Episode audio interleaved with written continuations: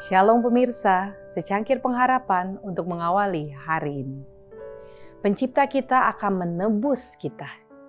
Tetapi sekarang beginilah firman Tuhan yang menciptakan engkau, hai Yakub, yang membentuk engkau, hai Israel. Janganlah takut, sebab aku telah menebus engkau. Aku telah memanggil engkau dengan namamu. Engkau ini kepunyaanku. Yesaya 43 ayat 1. Sementara gembala itu menuntun kawanan dombanya melalui bukit-bukit yang berbatu-batu, melalui hutan dan jurang yang berbahaya, ke pelosok-pelosok yang berumput di tepi sungai. Ketika ia menjaga domba-domba itu di gunung-gunung sepanjang malam yang sepi, melindunginya dari perampok, merawat yang sakit dan lemah dengan lemah lembut hidupnya menjadi satu dengan domba-domba itu. Suatu ikatan yang kuat dan lembut menyatukannya dengan domba-domba yang digembalakannya. Meskipun kawanan domba itu besar, gembala itu mengenal setiap domba. Masing-masing mempunyai nama dan menyambut bila gembala memanggil namanya sebagaimana seorang gembala duniawi mengenal domba-dombanya.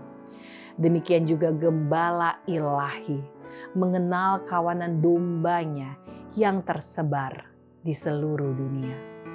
Yesus berkata, Aku telah memanggil engkau dengan namamu. Engkau ini kepunyaanku. Lihat, aku telah melukiskan engkau di telapak tanganku Yesus mengenal kita secara pribadi dan terharu dengan kelemahan kita. Ia mengenal kita semua dengan nama kita. Ia mengetahui rumah yang kita huni serta nama setiap penghuni. Kadang-kadang ia memberikan petunjuk kepada hamba-hambanya untuk pergi ke suatu jalan di suatu kota ke suatu rumah untuk mencari salah satu dombanya. Setiap jiwa dikenal benar oleh Yesus, seolah-olah bagi dia saja satu-satunya juru selamat sudah mati. Kesedihan setiap orang mengharukan hatinya. Seruan untuk minta pertolongan sampai ke telinganya. Ia datang untuk menarik semua manusia kepadanya ia menyuruh mereka, "Ikutlah Aku." Dan rohnya menggerakkan hati mereka untuk menarik mereka datang kepadanya. Banyak orang enggan datang kepadanya. Yesus mengenal siapa mereka itu.